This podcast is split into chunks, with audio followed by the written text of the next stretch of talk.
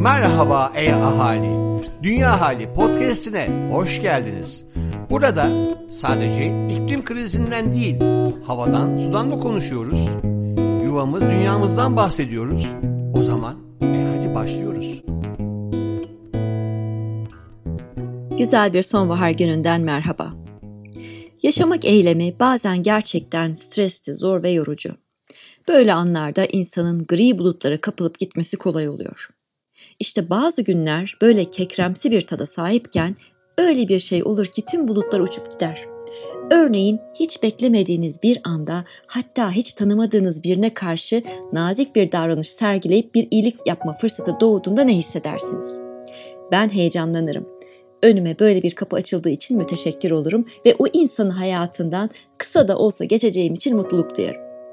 Hayatı örümcek ağlarındaki iplere benzetirim. Her bir ip kendi yolunda ilerlerken zaman zaman bir başkasının ipiyle yani hayatı ile kesişir. O kesişme noktalarında ipler birbirine tutundukça hem ipler hem de ağ güçlenir. Sonra bir bakarsınız her ip gene kendi yoluna gidip dönmeye, uzamaya, başka iplerle kesişmeye devam etmiş. Ben de hayatımın kesiştiği her bir diğer hayata o gözle bakarım.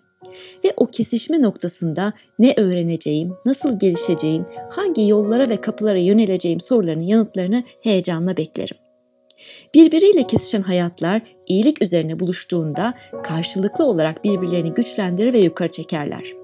Ben de bugün iyilik ve nezaketin sağlığımız üzerindeki etkilerinden bahsetmek istiyorum.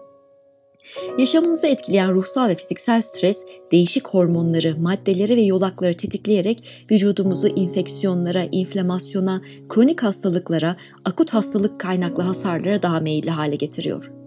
Ruh sağlığımız üzerindeki etkileriyle karar verme ve bilişsel kapasitemizi yaralıyor. Bizleri daha endişeli ve çökkün bir ruh haline sokuyor. Dolaylı olarak da madde, alkol ve ilaç suistimali, aşırı yeme, hareketsizlik gibi sağlıksız yaşam alışkanlıkları edinmemize yol açarak sağlığımıza zarar veriyor. Tüm bu olumsuzluklar karşısında güçlü bir şekilde ayakta durabilmek için esnek dayanıklılık kapasitemizi geliştirmemiz gerekiyor.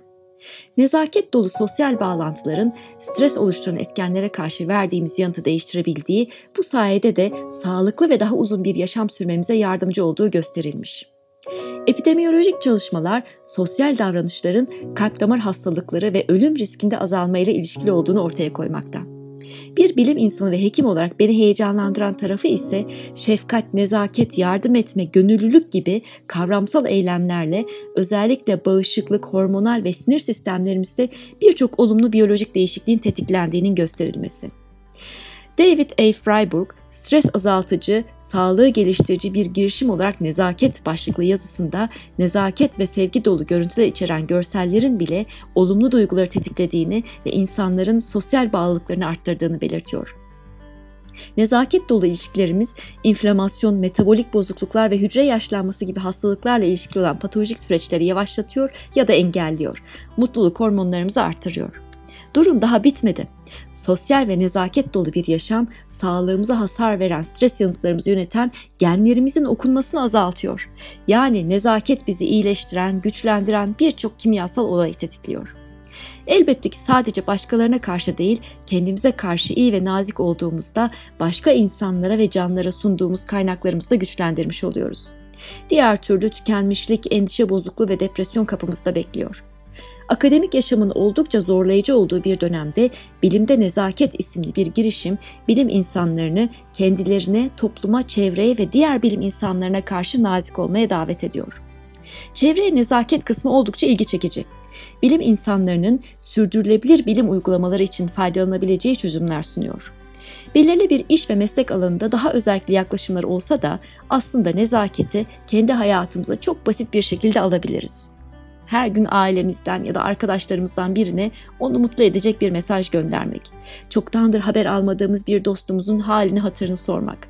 Belki de hiç tanımadığımız bir kişinin tebessüm etmesini sağlamak. Hayatın içinde sıkışmış bir kişiye yalnız olmadığını ve desteklendiğini hissettirmek. Karşılık beklemeden bir iyilik yapmak, güzel bir faaliyet karşısında iltifatta bulunmak ve yüreklendirmek gibi davranışlarla başka insanların hayatlarına dokunurken kendi ruh ve bedenimize de sağlık katabiliriz. En geniş çerçeveden baktığımızda da sadece kendimiz değil, içinde yaşadığımız topluluktaki insanlara karşı nazik olmamız, kalbimizi açarak tüm yaşamla ortaklığımızı bulmamıza yardımcı oluyor. İşte yuvamız dünyamızı iyileştirmek için ulaşmamız gereken nezaket düzeyi tam olarak bu. Ortak bir insanlık bilinci ve en üst düzeyde etik duyarlılık. Görüşmek dileğiyle.